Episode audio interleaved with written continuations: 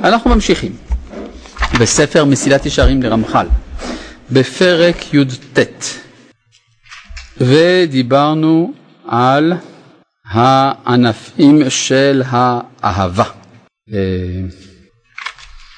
והגענו אל הקנאה, אני חושב, לא? שמחה, לשמחה, בסדר. השני הוא השמחה. מה? זהו, השאלה איזה עמוד היא שאלה שאי אפשר לענות עליה. בגלל שיש מהדורות שונות של ספר מסיעת ישרים, למשל במהדורה הזאת, שאני משתמש בה כעת, שאיננה זהה לשלך. זה בעמוד קכ"ט, אבל זה לא יעזור. אז uh, אנחנו בביאור חלקי החסידות, uh, איפה שהרמח"ל אומר, ונבר אתה ענפי האהבה והם השלושה שזכרתי, הדבקות, השמחה והקנאה, דבקות למדנו, ועכשיו השמחה. השני הוא השמחה. זהו, זה מה שהוא, זה מה שאני יכול להגיד. אצלך זה צדיק מה? צדיק ז', במהדורה שלך זה בעמוד צדיק ז'. טוב. אז כך שבאמת השאלה באיזה עמוד זה היא שאלה קרדינלית אבל בלתי ניתנת לתשובה ממוקדת וברורה. השני הוא השמחה והוא עיקר גדול בעבודה והוא מה שדוד מזהיר ואומר עבדו את השם בשמחה והוא לפניו ברננה ואומר וצדיקים ישמחו יעלצו לפני אלוהים ויסיסו בשמחה ואמרו רבותינו זיכרונם לברכה אין השכינה שורה אלא מתוך שמחה של מצווה. מעניין מאוד כי הרבה פעמים במסורות דתיות אחרות יש זהות בין העצבות לבין הקדושה. והלכה ברורה אצלנו שאין השכינה שורה מתוך עצבות. אם יש עצבות אין, אין, אין, אין, אין שכינה, אין מה לדבר. יש האדם חסר. וזה כתוב בגמרא מסכת ברכות פרק חמישי, רבה לא גזר תענית ביומא דעיבה. כלומר רבה לא היה גוזר תענית, אם היה צריך לגזור תענית על איזה משהו, אין גשמים או יש איזה צרה כלשהי, רבה לא היה גוזר תענית ביום של עננים. למה? היה אומר משום סקוטה בענן לך מעבור תפילה. כשיש עננים התפילה לא עוברת. זה נשמע קצת אה, פרימיטיבי, אה, פרימיטיבי מאוד. זאת אומרת, אתה אומר כאילו העננים מעכבים את התפילה מלעלות, כאילו שהתפילה צריכה לעבור איזשהו מרחק פיזי. אז הרב קוק מסביר היה שם שהכוונה שכשיש עננים אנשים עצובים. והתענית זה בא לדכא את הכוח החומרי של האדם. אם יעשו תענית ביום שבו יש עננים, יחשבו שהתענית גם באה לדכא את הנפש, וזה אין שום כוונה כזאת. התענית באה כדי לדכא את הנטיות הנמוכות, החומריות היתרות של האדם, לכן אדם לא אוכל. אבל הנפש צריכה להיות בשמחה. לכן רבה בכוונה כדי למנוע את הטעות הזאת של הזיהוי של החוויה הדתית עם העצבות, לא היה גוזר תענית אם יש עננים, צריך דווקא שיהיה שמח ביום של תענית. כן. הרב, אין עניין פיזי בתפילה? שהרי אנחנו פועלים דרך אה, הר הבית. חווים לשם בתחילה עולה דרך שם. אתה אומר ככה, וכי אין דבר פיזי בתפילה, שהרי אנחנו מתכוונים לכיוון הר הבית ומשם זה עולה השמיימה. אז מה יקרה אם מטוס יעבור מעל הר הבית, וכן, לא, זה, התפילות תתעכבנה באותה שעה, לא, לא שווה, כן? מה? כנס, התפילה תיכנס לו למנוע. אז ברור שאין הכוונה כך. הכוונה, אנחנו מכוונים, מכוונים את ליבנו להר הבית, ואז זה גורם שהתפילה עולה. כן? אבל מה זה היא עולה? הכוונה שהיא מתאחדת עם הרצון העליון, הרצון שלי והרצון של הקדוש ברוך הוא נעשים אחד. ברור. ברור שיש פעולה פיזית, כי המתפלל הוא פיזי. גם הר הבית הוא פיזי, והתפילה היא לא פיזית.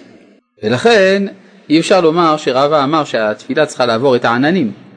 כן? צריך לעשות תחנות בחלל, לדעת איפה בדיוק הגיעו התפילות. כן? אלא ברור שהכוונה מצד העצבות שיש בזה, והעצבות איננה ראויה לעבודת השם. אתה יודע, שמתם לב, יש יום שבו מתענים מן התורה, זה יום uh, הכיפורים. יום הכיפורים מתענים. וכתוב שם, וקראת, uh, וקראת לשבת עונג, זה מצוות עונג שבת. לקדוש השם מכובד זה יום הכיפורים, שצריך לכבד את יום הכיפורים בכסות נקייה. כן, אדם צריך להיות לבוש יפה לכבוד יום הכיפורים, לטבול לפני יום הכיפורים. זאת אומרת שיום הכיפורים הוא יום שבו האדם מתהדר, אמנם לא בתכשיטים, אמרו שלא ללבוש תכשיטים ביום הכיפורים, אבל הדר צריך להיות. לכן גם המנגינות של יום הכיפורים הן מנגינות שמחות בדרך כלל, חוץ ממנגינת כל נדרי אולי. כן? זאת אומרת שיש uh, ב... יש מימד אסתטי חיובי של שמחה בעבודת השם. כן? הודעה טכנית. ההקלטה של השיעור במסילת ישרים שבוע שעבר התקלקלה. מי שהקליט את השיעור מוזמן למסור את ההקלטה לערוץ מאיר לזיכוי הרבים. תבדקו, אולי לי יש, לא? תבדקו את זה. או ששכחתי להביא את המקלט. מה? השלי לא הקליט, אה, יכול להיות. אה, טוב, אז אם מישהו יש לו, הן פה, הן בבית, ההקלטה של שיעור של שבוע שעבר, יזכה את הרבים. כן. לגבי יום הכיפורים. כן. אני, בתור אחד שלומד בכולם, צריך להיות מנגינות אצל התשובות, לא של. למה? יום הכיפורים, המנגינות שמחות. יצא לך להתפלל ביום הכיפורים? לא, לא נראה לי שלא, אני אומר, זו שאלה רטורית, אתה יודע. אז נראה לי שאתה מתפלל. עכשיו, המנגינות הן שמחות או עצובות? הן צריכות להיות עצובות, אבל בפועל, איך עם ישראל נוהג? שמחות. זאת אומרת שעבודת השם וגם הפעולה של התשובה זה צריך להיות מלווה בשמחה. התשובה עצמה זה משהו שיש בו קצת עצבות, כי אדם מתחרט על חטאיו, אבל באותו רגע שהוא מתחרט על חטאיו, הוא באותו רגע ממש שמח, כי הוא יודע שחרטתו מתקנת את העבירות. כן. אבל איך שומרים על הרצינות? רצינות זה לא, זה לא, זה, זה לא קשור לעצבות. זה בדיוק העניין, שאצל האומות, אצל אומות העולם הם קושרים את הרצינות לעצבות. זה לא קשור, רצינות זה בשמחה. כן, אם כן, לפי מה שבדקתי גם הרב לא הקליט, בסדר, זה אמרו גם כן. אם כן, מדוע יש הרבה רבנים גדולים שהפנים שלהם תמיד רציניות ואין שום רושם של שמחה על פניהם? תשובה, במייסה פון זיין בטלרס כותב המייסה פון זיין בטלרס. מה? זה לא מזה, זה, שם של, של סיפור. מעשה בשבעה קבצנים. כן, אז uh, יש בטלר שם, דהיינו uh, קבצן, שנראה עצוב מאוד. כתוב שם, הוא נראה עם פנים עצובות, חבל על הזמן. ואז הוא אומר לחתן והכלה, שהם שני, שהם הילד והילדה שעזבו אותם ביער ביום הבריחה הגדולה, אז הוא אומר להם, אתם חושבים שאני עצוב? אני האדם השמח ביותר בעולם. אלא מה? השמחה שלי היא כל כך גבוהה שאין לה ביטוי בעולם, כי כל שמחה שיש לאדם היא שמחה על זה שנתמלא חסרונו. יוצא שבכל שמחה יש זכר לחיסרון, אבל השמחה שלי היא שמחה עצמית כי לא חסר לי דבר, מלכתחילה. ולכן אני נראה כזה עצוב, כי אי אפשר לתת ביטוי לשמחה הזאת בעולם. ואני מברך אתכם שתהיו שמחים כמוני. ככה כתוב באמי ספון זין בטר. אז לכן אותם רבנים שנראה לך שהם כאלה רציניים, זה לא שהם לא רציניים, זה לא שהם לא שמחים, הם שמחים כל כך שהם לא יכולים לבטא את זה. ואם חס וחלילה, חס ושלום, יש אחד שהוא באמת עצוב בפנים, אז זה חטא, צריך לכפר על זה, לתקן את זה. אה, רב אברום שפירא היה אומר שחשוב תמיד לחייך, כי זה המתנה הגדולה ביותר שאפשר לתת לבני אדם, וזה לא עולה כלום. בסדר? אז לא, ודאי, עבודת השם זה בשמחה, אם אין שמחה. אה, יש, יש, יש אה, תלמיד של הבעל שם טוב, קראו לו רבי יעקב יוסף מפולנאה. היה תלמיד חכם ענק, והיה מתנגד של הבעל שם טוב. וגם היה עוד אחד, זה המגיד ממזריץ', מפורסם מאוד. גדול התלמידים של הרבי ישראל בעל שם טוב. והוא אה, תלמיד חכם גדול, שבהתחלה גם כן התנגד לבעל שם טוב. הרבה מהתלמידים של בעל שם טוב היו בהתחלה ממתנגדיו. ולגבי הראשון, רבי יעקב יוסף פולנאה, שהיה אדם כזה רציני, הבעל שם טוב סידר לעצמו איזה פגישה איתו ככה, עשה לו איזה טריק, בסוף נפגש איתו, ואמר לו, יש לך מרה שחורה, זה לא רצינות. ואז הבן אדם זה שינה לו את כל החיים, נהיה תלמיד של הבעל שם טוב. פעם כשהמגיד ממזריץ' נכנס לראשונה לבעל שם טוב, הבעל שם טוב זרק אותו מהבית, אמר לו בעלי מרה שחורה לא נכנסים לכאן. מרה שחורה זה דיכאון, מלנכוליה בלעז. כן, זה, לא ככה עובדים את השם, אתה עושה כאילו דמי, יש לך בעיות, אתה עושה מזה עבודת השם, לא, עבודת השם לא מתחיל מזה. עבודת השם מתחיל מנקודה שזה, תגיד, אבל אני לא שמח, נכון, אז תמצא נקודה אחת של שמחה. מתוך נקודה אחת של שמחה, הכל ילך זה עיגולים של שמחה, נכון? זה הולך ומתפשט, זה כזה מדבק. כן, מה אתה אומר? אני, זאת הפעם הראשונה שאני שומע שאלה כזאת בעשרות השנים שזכיתי ללמד תורה. אני חוזר על שאלתך המדהימה. אתה אומר, אז מדוע אחד מן התנאים ללימוד סתרי תורה זה מראה שחורה? עכשיו מדוע אני, אה, לא, מדוע אני אמרתי שזה משפט מדהים? כי הוא ההפך מכל מה שלמדתי. מעולם לא שמענו דבר כזה. שכדי ללמוד סתרי תורה צריך להיות עם מראה שחורה, אפילו הנבואה, שזה יותר מסתרי תורה, אין הנבואה שורה אלא מתוך שמחה. הכיצד? איפה ראית דבר כזה? מה זה? קונטרס ההתפעלות? מה, של האדמו"ר האמצעי? כן, שאומר שמי שבילדותו לא נגע במרה השחורה, אבל אחד שלא יצטרך להגיע לרמזי תורה. מה, לא הבנתי, ש? מי שלא נגע במראה השחורה כשהוא צעיר, לא. אה, עכשיו זה מתברר, זה משהו אחר לגמרי. אתה אומר בשם אה, האדמו"ר האמצעי בקונטרס ההתפעלות, שהוא אומר שאי אפשר להגיע לספר תורה אם לא עבר דרך מראה שחורה. בוודאי, כי הוא צריך להבין, להבין עד כמה שזה רע. ושאי אפשר לעבוד את השם בצורה כזאת, זה הכוונה. כלומר אם לא היה לך מגע כלשהו עם הרע, אז קשה להבין מה הערך של הטוב לעומתו. זה הכוונה, זה לא, זה חס וחלילה, מספיק נגיעה קטנה. נגיד אה, אלפית אחוז שברה שחורה פעם אחת בחיים, זהו, מספיק. אחר כך, רק שמחה. כן, מה אתה אומר? כן, זה בדיוק העניין. זה לימוד של סתרי תורה אמור להקיף את הכל, גם את המשמעות של הרע. אז יש בסתרי תורה הרבה התעסקות גם כן במדורות הטומאה וכולי, והקליפות. צריך להבין פעם אחת מה זה. זהו, ואחר כך לעזוב את זה. בכלל, המקובלים מאוד מאוד מזהירים שלא להיות בעצבות, זה, וגם לא להיות ב, בכעס. אחד הדברים שהמקובלים מזהירים עליו מאוד זה הכעס. אפילו רבי חיים ויטל מספר על עצמו שפעם אחת הוא כעס על אשתו, והיא הייתה אישה לא קלה, כן? והוא כעס על אשתו והיכה אותה, ככה, ככה הוא כותב, על עצמו, הוא לא, צריך להראות את הכנות האדירה של, ה, של הרב, ואז ניטל ממנו כוח הדיבור ונתעוותו פניו. וכדי לתקן את זה היה צריך שהאריזה יעשה לו תיקונים על גבי תיקונים עד שיחזור לעצמו. אמרו המקובלים שאדם שכועס צריך בשביל לכפר על זה 151 תעניות. למה? כי כעס בגימטריה 150, אז צריך 151. גם מקווה זה בגימטריה 151 כדי לתקן את הכעס. עכשיו העניין הוא כזה שזה בעיה קצת, כי אדם שלא אוכל, עצבני. אז, אז, אז זה מגדיל עליו עוד יותר. כן, 151 ימי עצבנות, הוא צריך לא לכעוס. טוב, בסדר. פעם הבאה ש... אבל אם הוא יכעס עוד פעם אחת, עוד 151. טוב. בקיצור, עדיף להיות שמח. כן, מה אתה אומר? כאילו ממש אפשר לבחור בזה, ממש אפשר לבחור בשמחה לעומת כעס. יפה, יפה מאוד. דבריך, נו תמשיך את השאלה. אה, זו השאלה. כלומר, אתה אומר, אני לא מבין, זה, זה באמת נכון מה שאתה אומר. זאת אומרת, אתה אומר שמדבריי משתמע, זה לא רק שלי, זה דברי כל גדולי ישראל שדיברו על זה, שכעס או שמחה זה דברים שאפשר לבחור בהם. יפה. כלומר, מכאן אתה למד שעולם הרגשות הוא דבר רצוני. מה? איך בוחרים בשמחה? פשוט. העובדה, נגיד למשל, שאני יושב על כיסא, היא עובדה משמחת או עצובה? מה אתה אומר? תלוי איך אתה מסתכל על זה, נכון? זאת אומרת, על כל דבר במציאות אני יכול להחליט שהדבר מדכא או שהוא משמח.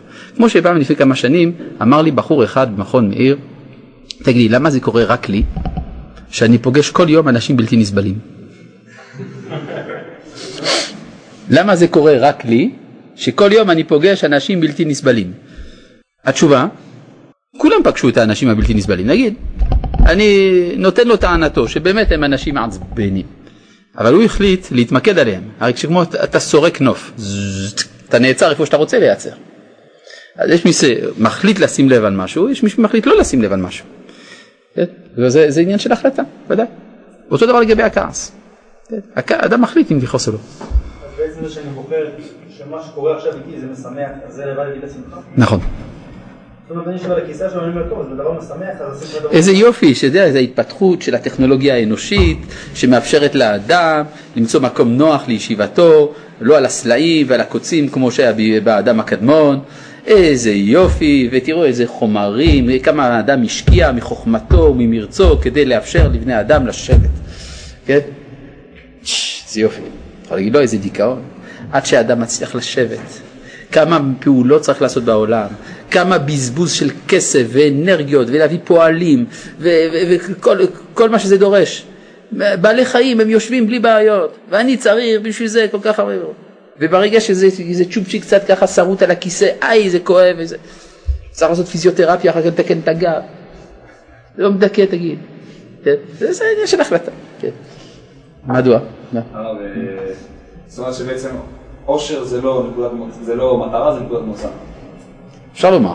כן, דבר יפה. שני, האם אפשר להגיד... אני חוזר לחזור על דבריך. אה, מה שהוא אומר זה שאושר זה לא מטרה, זאת נקודת מוצא. יפה, מה עוד? והאם בסופו של דבר זה נכון להגיד שאין כעס לגיטימי? האם זה נכון לומר שאין כעס לגיטימי? זו שאלה גדולה, שנחלקו בה גדולי עולם, הרב מרקו? ה- הרמח"ל והרב קוק. שהרמח"ל אומר שאין כעס לגיטימי, ולפי הרב קוק כן. השאלה היא על מה בדיוק הם נחלקו, אבל יש מה שנקרא אה, כעס קדוש, כן? כלומר, אה, כש... כן, אביתך דאורייתא, או שרואים חילול השם, אבל גם זה מבוקר, זה לא, זה לא האובדן השליטה הזמני, הרי מה זה כעס באמת? כעס באמת זה סוג של שיגעון, זה שיגעון זמני, אדם איבד את השליטה על עצמו, אז יש משהו לא בסדר פה. לא חטא כמו שאנחנו מפרשים אותה היום? השאלה היא, יש מדרגות בזה, יש מדרגות בכעס, אחד קשור בשני, כן, כעס אחד מוביל לכעס השני. אז זה שאדם בלתי שולט בעצמו, יש איזה בעיה, כן. סימן שהאדם נפעל מבחוץ. כן, מה אתה אומר? בעצם הבחירה שבן אדם ידע שהוא מסוגל לבחור בשמחה, זה השמחה שלו, השמחה שאני שולט על... אבל זה כל אדם יש לו את זה. כלומר, כל אדם צריך לשמוח על זה שהוא יכול לבחור בשמחה. הרי אין אדם שאין לו בחירה חופשית. זה כובל, כאילו, המצב של העצוב ואין את זה, זה נראה שאין כאילו בחירה, כאילו אין. מה? לפעמים העצבות זה דבר שכובל, וכאילו, אין איך לעשות את זה, לא... כל אחד רוצה לבחור להיות שמח. כל אדם רוצה לבחור, לא, ממש לא. יש לי הוכחה שלא כל אחד בוחר להיות שמח. שיש כאלה שבוחרים להיות עצובים. כאילו... הם החליטו שקשה להם. כלומר, ההחלטה, יש החלטה לקחת את המצבים של החיים בתור דבר שמדכא. עכשיו, למה עושים את זה? יש לזה הרבה סיבות. הסיבה המרכזית היא שהאדם רוצה לפרוק מעליו אחריות. ולכן זה מאוד נוח לא להיות שמח, כי אז האדם משותק, יש משהו שכובל אותו, והכבילה הזאת מצדיקה את זריקת האחריות על אחרים. כי אדם לא יודע עד כמה שזה שמח להיות אחראי. הכאב זה כאב זה כאב, משהו אחר. זה כמו, תאר לעצמך אדם למשל שאמרו לו הרופאים, יש לך מחלה קשה, לא עליכם. ואומרים לו, תראה, יש לנו תרופה ניסיונית, זה לא בטוח שהיא עובדת, אולי כן תעבוד, אולי לא תעבוד. תיקח את זה, אם בעוד שעתיים יש לך כאבי בטן עזים, זה סימן שזה עובד. אחרי שעתיים, שעה 59, עוד לא כואב כלום. אוי ואבוי, זה דיכאון. 59 וחצי, לא כואב כלום. עוד שנייה, לא כואב כלום. שעתיים, טח, כואב. וואו, איך הוא שמח, נכון? זאת אומרת, הכאב והשמחה הם לא קשורים זה לזה. מנגינות התימנים הן מתוך יראה והמנגינות עצובות. אני אגיד לך למה, אני לא יודע, אני לא בדקתי את זה, שהמנג... אני מתכוון למנגינות יום הכיפורים, לא הייתי ביום הכיפורים אצל תימנים. אבל גם אם זה נכון, זה מן הסתם בגלל שהם כל כך שמחים שבשבילם קצת מנגינה עצובה זה לא משנה כלום. אם כך, מה עניין ההלכה להתפלל לכיוון, לכוון לירושלים? ומה לגבי היום בהר הבית וברחבת הכותל? ישנם שמכוונים את גופם ברחבה רחבה לכיוון אבן השתייה. האם זה מנהג נכון? נו באמת, זה הנושא עכשיו. לא, זה לא משהו הנושא. מה? לא לא משהו... כן, אבל זה שאני הזכרתי שהתפילה היא לא משהו פיזי, זה לא בגלל שזה נושא הלימוד. הנושא של הלימוד שלנו זה השמחה. ובדרך אגב הזכרתי משהו שנוגע לתפילה, ולכן להרחיב פה את הנושא, לדעתי זה לא לגיטימי. כן, אה, מנגינות התימנים הם מתוך, אז זה כבר ראינו. שלום הרב, אם כן מה תפקיד הרגשות אם הן רצוניות? אדרבה, כיוון שהרגשות זה דבר רצוני, יש לזה תפקיד חשוב. זה דרך עבודת השם, דרך ידיעת השם. כי הרי אם אדם לא יהיה שמח, איך ידע את השם? אדרבה, כן, בבקשה. הרי אפשר להחליט ליאור. להחליט לאהוב, הנה, יש מצוות אהבה, סימן שזה רצוני. אם, אם, אם האהבה, איך, יש ביטוי צרפתי מפורסם, זה חזק ממני. מכיר את הביטוי הזה? כל, הרומן, כל הרומנים הגרועים, כן? זה חזק ממני. אז זה שטויות. כן? אם זה חזק ממך, אז למה התורה אמרה לאהוב את זה, לשנוא את זה, כן? או לא לשנוא? אז סימן שהדברים האלה הם רצוניים. זה בניגוד למקובל בחברה המערבית, שהחברה המערבית רוצה לפרוק מעל האדם את האחריות המוסרית שלו. כן? אבל זה ברור שלהחליט להיות שמח או לא, זה החלטה שלך. כן. אה, מה? אה, מה שאתה מדבר לכאורה זה שאפשר להגיד שזה מצב אידיאלי, אבל כשאדם הוא בתקופות או בזמנים שהוא של תשובה או משהו כזה, יש בדרך. אה, יש זמנים שמותר לו לאדם להיות בעצבות. הוא עכשיו עושה תשובה על חטא. יש לו זה חטא, הוא רוצה לעשות תשובה. אז חלק מעבודת התשובה זה להצטער, להתחרט על החטא. הוא צריך לשמוח שיש לו יכולת כזאת. למשל, יש מצווה להיות באבל בתשעה באב, הנה זה אפילו קרוב לענייני דיומא, כן? אדם צריך לקיים בשמחה את המצווה להיות אבל בתשעה באב. זאת אומרת, אם האדם בתשעה באב בוכה על החורבן בכל ליבו, הוא שבור כולו, הוא צריך לשמוח. שיש לו הרגישות הנכונה לגלות השכינה, צרת האומה, צרת האנושות. לעומת זה אם אדם בתשעה באב הוא שמח, זה ממש עצוב. מובן? אני חושב שזה... מה? אפשר להיות שמח שעצובים. אה, הוא שמח שזה מבטא אצלו שייכות אמיתית, אותנטית. הוא באופן אותנטי שייך לצרת האומה. כן? כלומר, אם אדם אדיש לצרת האומה, יש משהו מקולקל אצלו. לכן הוא צריך להצטער על זה שהוא שמח, למרות שזה תשעה באב היום או משהו כזה. כן. שמחה ועצבות לא נוגדים אחד את השני? שמחה ועצבות נוגדים אחד את השני, בהחלט. אז איך אפשר להיות שמח ועל גבי זה להיות עצוב ביום בתשעה באב? זה כמו שהסברתי. יש העצבות הרגשית והשמחה השכלית. נכון? מדובר במישור אחר. יש העצבות הרגשית, הוא כל כולו בוכה, והוא כל כולו שמחה על זה שהוא בוכה, שיש לו הרגישות הזאת. מסופר על מהרחו שהפסיד עיבור נשמות צדיקים כיוון שבזמן שלמד תורה עם אחיו התלהט יתר על המידה. מדוע? הרי זה כעס קדוש. בסדר, זה כעס קדוש ואף על פי כן הוא הפסיד עיבור, מה יש? כן. כאילו.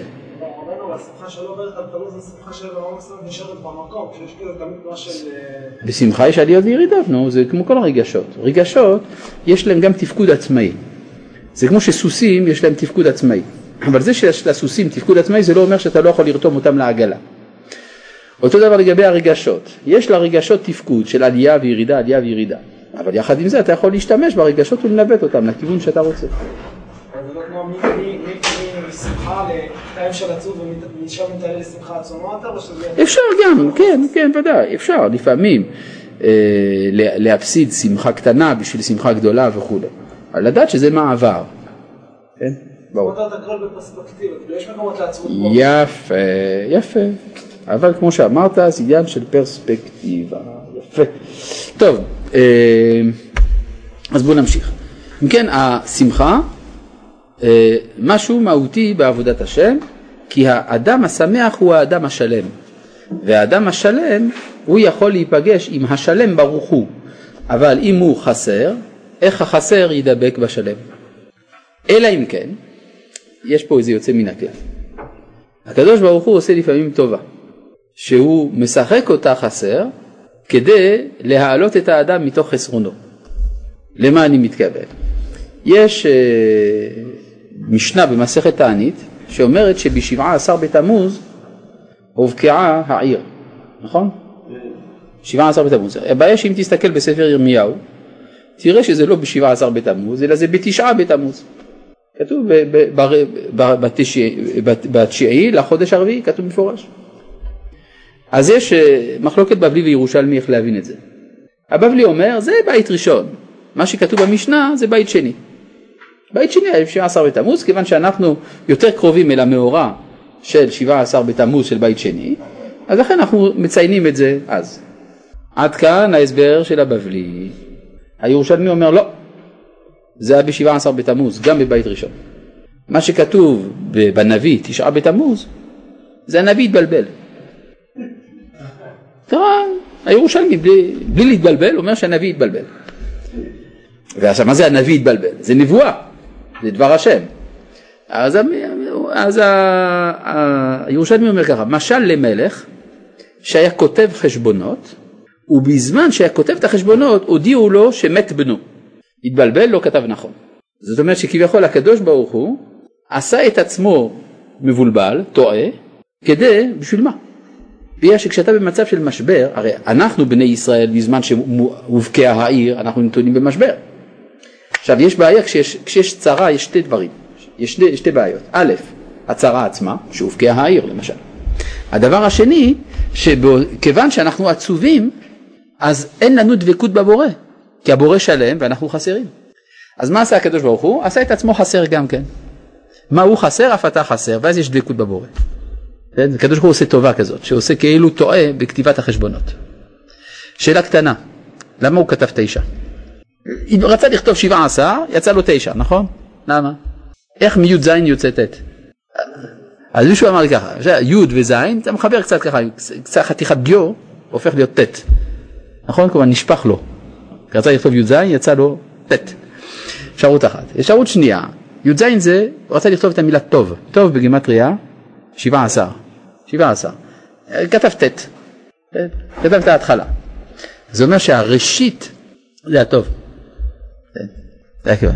כי הרואה ט' בחלום יצפה לטוב. כי זה הפעם הראשונה שכתוב ט' בתורה, זה במילה טוב, היה אלוהים טהור כי טוב. טוב, אמ, נמשיך. ועל הפסוק שזכרנו למעלה. עבדו את השם בשמחה.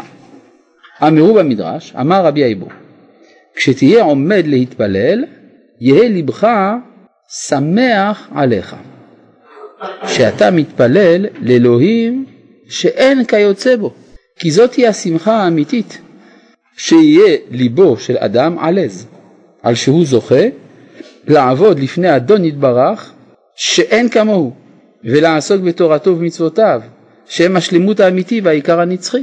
ואמר שלמה במשל החוכמה, מושכני אחריך נרוצה, הביאני המלך חדריו, נגילה ונשמחה באח. מעניין אגב איך הוא קורא לשיר השירים משל החוכמה. טוב, זה גר, זה מפתח להבין מה זה שיר השירים, יש כמה מפתחות, יש כמה פירושים, מה, קורה, מה זה בדיוק שיר השירים. לפי הרמח"ל זה משל החוכמה. כן, נשמע מדהים, צריך עכשיו לקרוא את כל שיר השירים על פי זה.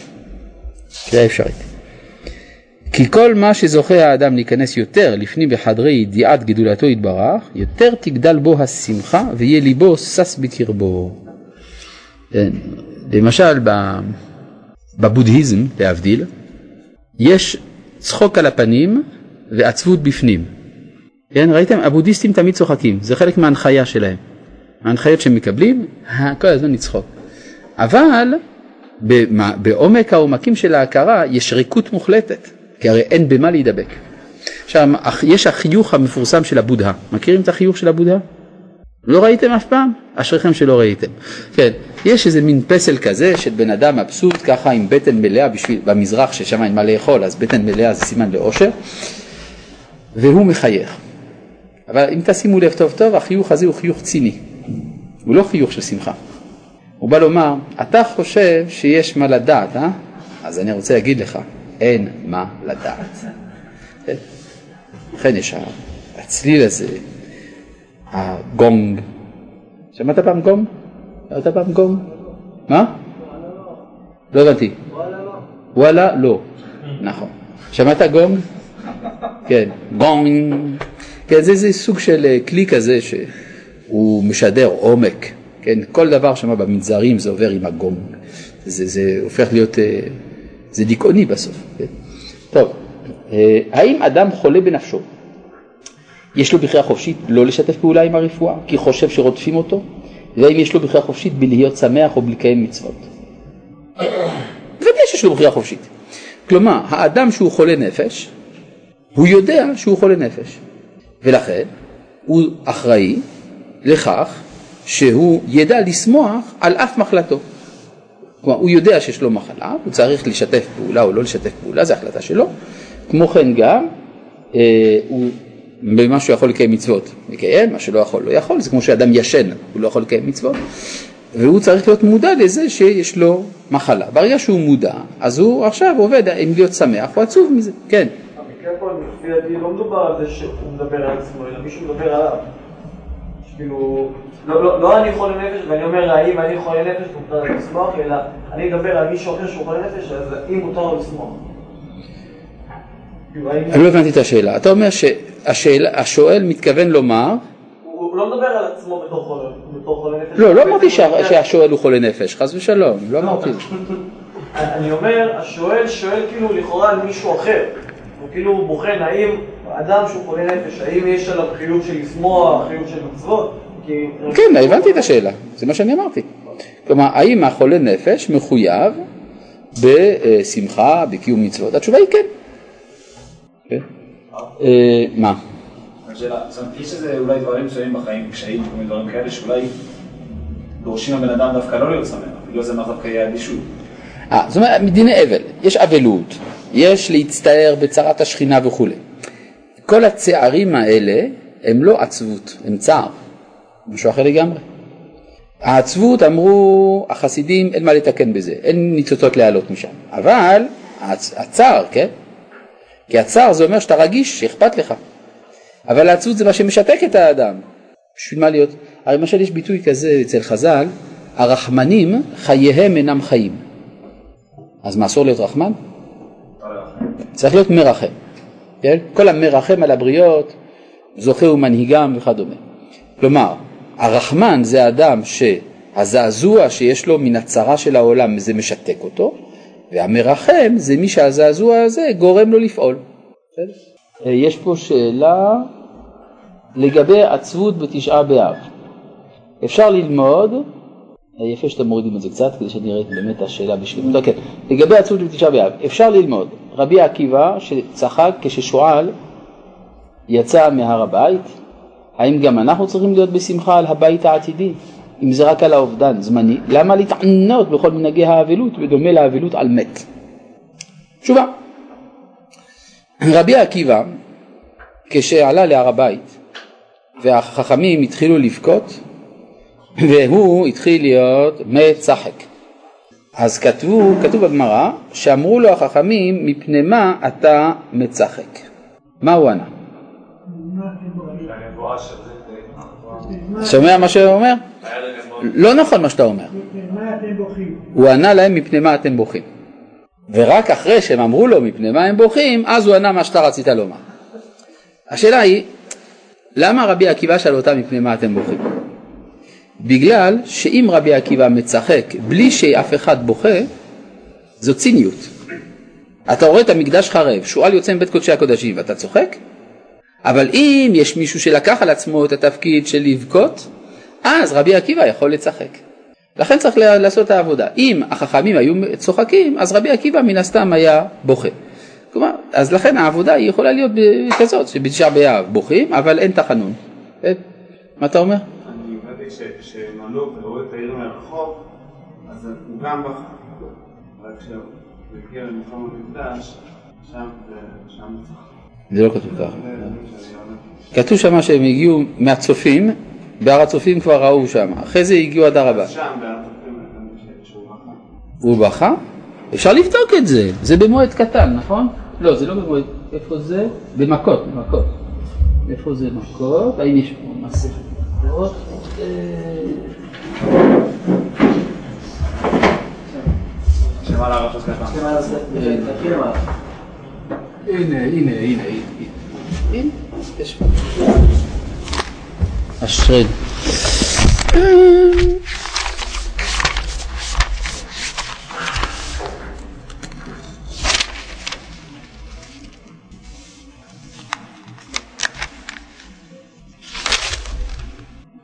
שוב פעם אחת היו עולים לירושלים, כיוון שהגיעו להר הצופים, קרעו בגדיהם.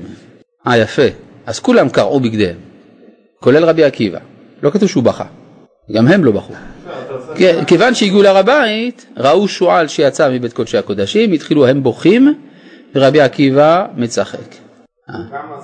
עבדות. הוא עשה אקט של אבלות, כן, כן, נכון, נכון, יפה. אבל כשהגיע לעומק, אה, יפה, זה יפה מאוד. אז כשהגיע לעומק של האבלות, אז הוא גם התחיל להיות מצחק, כן. זה עלו להר הבית אחרי החורבן, זה קרה ימים? למה הם עלו להר הבית? הם לא שמעו שהרבנים אומרים לא לעלות להר הבית. הם לא שמעו את זה. טוב, צריך להבין. זה. אנחנו עוד מעט נוציא מהדורה מצונזרת של הגמרא ואז יהיה בסדר. כן. טוב. אה, טוב, איפה אנחנו? אז אם כן, בקיצור צריך לעבוד את השם בשמחה. ככל שיש יותר חוכמה, יש יותר שמחה. יש אפילו ביטוי כזה, אין שמחה כהתרת הספקות. כלומר, כשאין ספק, יש חוכמה. כל זמן שיש ספק, יש עיכוב בחוכמה. שאלת השאלה, איפה זה כתוב, הביטוי הזה, אין שמחה כהתרת הספקות? מה המקור? זהו, אז גם על זה יש ספק. יש ספק איפה כתוב שאין שמחה כהתרת הספקות. בעיה. זה משפט מפורסם באומה, ואין לו מקור, מה נעשה? טוב. מובא משהו דומה לזה בשו"ת הרמה תשובה ה' וגם במצודת דוד על משלי. יש משהו דומה, אבל המשפט הזה כשלעצמו, כמו בצורה הזאת, לא כתוב וגם לא ברור מאיפה זה לקוח. איפה הם לקחו את זה, אותם גדולי ישראל. לא, לא. מה נעשה? יש משפטים שאנחנו כן יודעים מאיפה הם באים. למשל המשפט המפורסם, אין נביא בעירו. מאיפה זה לקוח? מהברית החדשה. או למשל הביטוי מלח הארץ. כן, בברית החדשה גם כן. או הושמע האמת ממי שאמרה. הרמב"ם מביא את זה, אבל מאיפה בא לקוח הביטוי? לא, לא מאריסטו. לא, מאבול עבאס, דודו של מוחמד. כן. אבל אל תגלו את כל זה, זה ממש לא חינוכי. הלאה. אה, כי כל מה שזוכה האדם להיכנס יותר לפנים בחדרי ידיעת גדולתו, יתברך, יותר תגדל בו השמחה ויהיה ליבו שש בקרבו. ראיתם פעם אנשים שעוסקים בסתרי תורה? בזמן שהם עוסקים בסתרי תורה? מאוד מעניין לראות. כן, מבסוט, ראית את זה? ראית, נכון? ונכנס לישיבה של מקובלים, אנשים רציניים ככה, עם זקן, לא כמו שלי, זה מגיע עד הרצפה הזקן, הכובע מגיע עד התקרה. ואתה רואה אנשים האלה שהם סופר רציניים, הם עוסקים בסתרי תורה, בסתרי סתרים, והם צוחקים. למה? כי זה מה שהוא כותב כאן. ככל שהנה אדם נכנס יותר לפנים בגדולת ידיע- בידיעת גדולתו יתברך, ככה תגדל- בו השמחה. כן. איך זה מסתדר עם משפטים כמו הרבה דעת, הרבה מחור? ויוסיף דעת, יוסיף מכאוב. נכון. יוסיף דעת, יוסיף מכאוב. לא מי שיוסיף בינה, או יוסיף חוכמה. רק דעת. מי שיש רק דעת זה מוסיף מכאוב. אגב, אמר הרבי מקוץ, יוסיף דעת, יוסיף מכאוב, רק שיוסיף. רק שיוסיף. כן, מה אתה אומר? אז בדיוק הנקודה הזו, ש- שנגיד לא כמו האדמו"ר בכל עצמם, שנכנסים באמת לפני, יש מה כאילו קרע מסוים. כן, נכון, אבל זה אנשים קיצוניים. זאת אומרת, ברור שהרבי מקוצק זה לא היהדות, עם כל הכבוד. אלא זה חלק מהיהדות. זאת אומרת, אם אתה לוקח את הרבי מקוצק ואתה מצרף לו את הבעל שם טוב, אני יודע, כל מיני כאלה, צריך לעשות איזון. כל אחד, הרי כל צדיק וצדיק יש לו דרך משלו בעבודת השם. אז לפעמים יש אנשים שהוא נטע אל הקצה והוא יכול להרשות לעצמו את הקצה הזה בגלל שיש מישהו, הולך ש... מישהו אחר שהולך לקצה השני. גם, זה מה שנקרא, לא, הרבי מקוצק לא יודע אם זו הייתה עצבות, זה היה משהו הרבה יותר עמוק לדעתי. זה היה, ה- הוא עמד בדיוק על נקודה, על העצב הרגיש של כאב האומה. כן, הוא, אומרים שכשהוא נכנס לחדרו שם, הסתגר, באותה שבת המפורסמת, שבת השחורה, זה היה בדיוק מאה שנה לפני, לפני השואה. אז כנראה שהוא הרגיש את זה, משהו, הוא הרגיש איזשהו שבר. כן. אז טוב, מה אפשר לעשות? הוא בדיוק לחץ על העצב החשוף. טוב. אה, ואומר, ישמח ישראל בעושיו, בני ציון יגילו במלכם. ודוד, שכבר הגיע אל המעלה הזאת שיעור גדול, אמר, יערב עליו שיחי, אנוכי אשמח בשם. ואמר, ואבוא אל מזבח אלוהים, אל אל שמחת גילי, ועודך בכינור אלוהים אלוהי.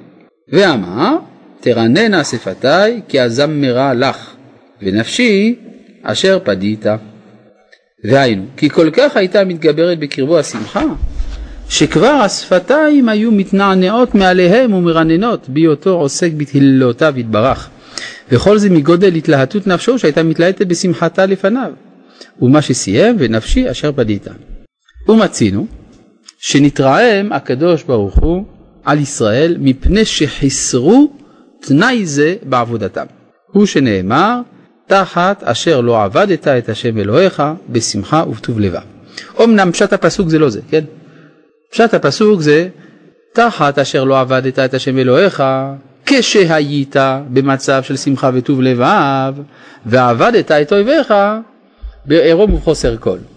זאת אומרת, כשאתה תצטרך, היית שמח אז יכולת לעבוד את השם ולא עשית זה, אבל בסדר, אבל גם זה משתמע, זאת אומרת שהמצב הנורמלי של עבודת השם זה מצב השמחה. ו...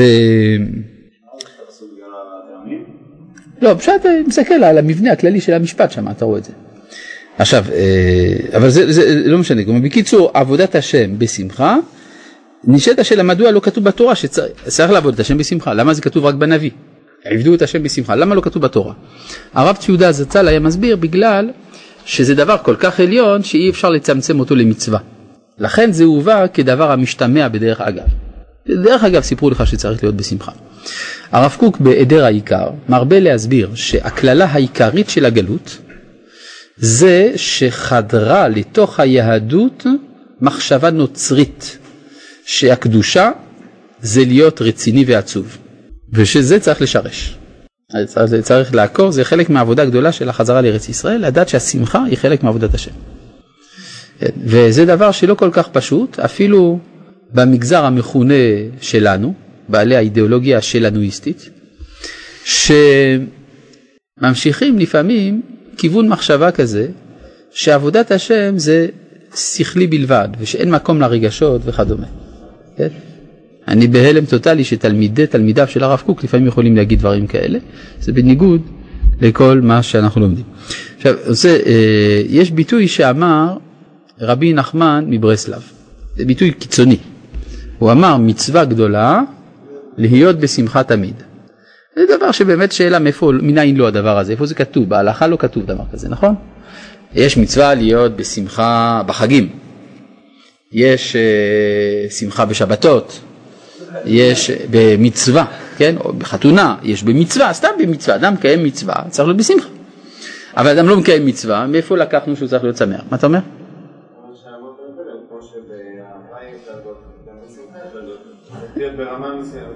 כן, אבל אני רוצה מקור לזה. כן, אני רוצה מקור לזה, שצריך להיות בשמחה תמיד. כן, שזה מצווה. לראות את הדבר הזה. יש אפילו גרסה ליטאית, שמחה גדולה להיות במצווה תמיד. כן? אומרים שהגאון מווילנה אמר, אני לא יודע אם זה באמת נכון מה שמספרים עליו, כי זה באמת קצת מוזר, שהגאון מווילנה אמר שהמצווה הקשה ביותר בתורה זה להיות שמח שמונה ימים בחג הסוכות. כן, אני לא יודע, זה, זה, מי שאמר את זה כנראה מסגיר את מקורו הליטאי. האם זה גם מסגיר את מקורו הליטאי של הגאון מווילנה, אני לא יודע. אבל כל פנים, כן, אה, אה, אה, זה שיש מצווה להיות בשמחת תמיד זה לא ברור, יש, ראיתי ספר עונג יום טוב שכתב אותו אחד חסידי ברסלב בירושלים, אז הוא שמה באמת שואל את השאלה הזאת, מניין לא לרבנו זה שמצווה גדולה להיות בשמחת תמיד, ואז הוא מביא הוכחה פשוטה מאוד. הוא אומר הרי פיקוח נפש דוחה, דוחה לא רק שבת, כל המצוות חוץ משלוש, נכון? גילוי עריות, שפיכות דמים ועבודה זרה. זאת אומרת שפיקוח נפש דוחה 610 מצוות. כן? הרי אם יש רק שלוש שלא דוחה, אז 610 מצוות נדחות בפיקוח נפש. ואדם שאיננו שמח, אז הוא יהיה עצוב. אם אדם עצוב יכול להגיע לידי התאבדות, ואז זה פיקוח נפש. לכן השמחה היא מצווה כל כך גדולה שהיא דוחה 610 מצוות אחרות. מכאן שמצווה גדולה להיות בשמחה תמיד. משכנע? בסדר, על דרך עבור. אה? טוב, בסדר, משהו כזה. על כל פנים, אה, רואים שברגע שאדם נמצא בעצבות, יש פה איזה מידה של חטא, כי זה מידה רעה. כיוון שהעצבות היא מידה רעה, ואסור להיות במידות רעות, שנאמר והלכת בדרכיו, יוצא שיש מצווה להיות בשמחה תמיד, זה יותר פשוט. טוב, אה, ודוד, לפי שראה את ישראל, בעת התנדבם על בניין הבית, אגב, יש ברב קוק במוסר אביך דיון לגבי שמחה וטוב לבב.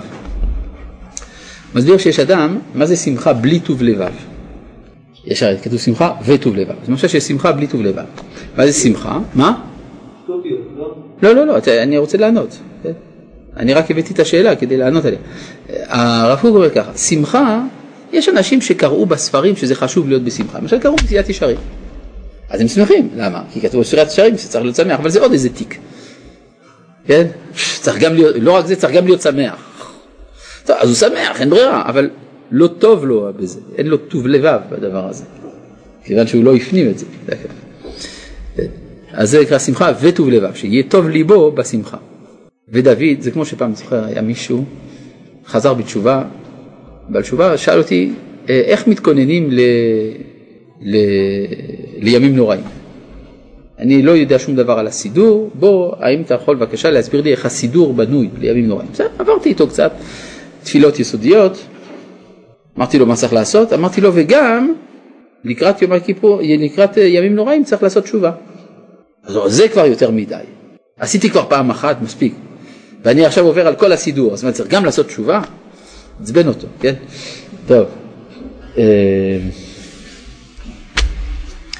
ודוד לפי שראה את ישראל ב' התנדבם על בניין הבית שכבר הגיעו למעלה הזאת, התפלל עליהם שתתקיים המידה הטובה בהם ולא תסור. ומה שאמר, ועתה עמך הנמצאו פה, ראיתי בשמחה להתנדב לך, השם אלוהי אברהם, יצחק וישראל אבותינו, שומרה זאת, כלומר את השמחה הזאת, לעולם. ליצר מחשבות לבב עמך, ואכן לבבם אליך. זה מה שכתוב שומרה זאת לעולם, הכוונה השמחה הזאת שיש להם, שהיא תהיה לעולם. כן. אה? טוב. כן. מה שהוא אמר שזה לא פשט הפסוק, הוא מביא את זה כפשט, אבל היום אף אחד לא... הרב צודק שזה לא פשט, אה, זאת אומרת, איך אני מסתדר עם זה שרמח"ל הבין את זה כפשט? אני אסביר לך, זה פשט למידת החסידות. הרי פה אנחנו לומדים את מידת החסידות. מידת החסידות זה תמיד לעשות יותר. אז מידת החסידות כוללת גם הבנות דרשניות בפסוק. אני לא לא. אתה לא הבנת, האם הבנת מה שעניתי? אז אני חוזר על מה שעניתי, ואז אולי תבין. אני אומר ככה, יש, למש... יש דברים שמחויבים, כדי, שחייב האדם לעשות כדי להיות צדיק. מידת חסידות זה מעבר לנצרך, נכון? עכשיו, במידת חסידות אנחנו משתמשים בהבנות מסוימות של, של המקורות גם כשהן דרשניות, כי זה עצמו חסידות ביחס לפשט של הכתוב.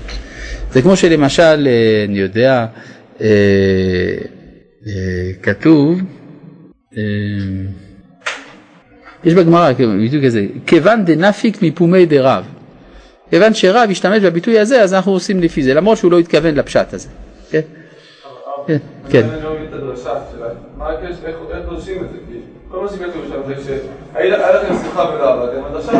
זה הפשט, אבל הדרש זה הפוך. החטא היה שלא עבדת את השם בשמחה. כן, ודאי הוא יכול, למה לא?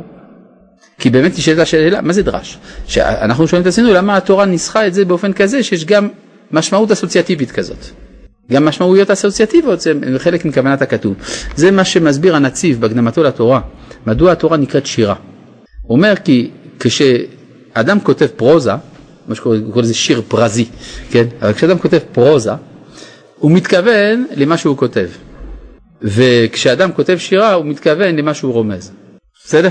עיקר כוונתו של המשורר זה הרמזים שלו. לכן כיוון שהתורה כתובה כשירה, אז עיקר כוונתה הרמיזות שבה. כן.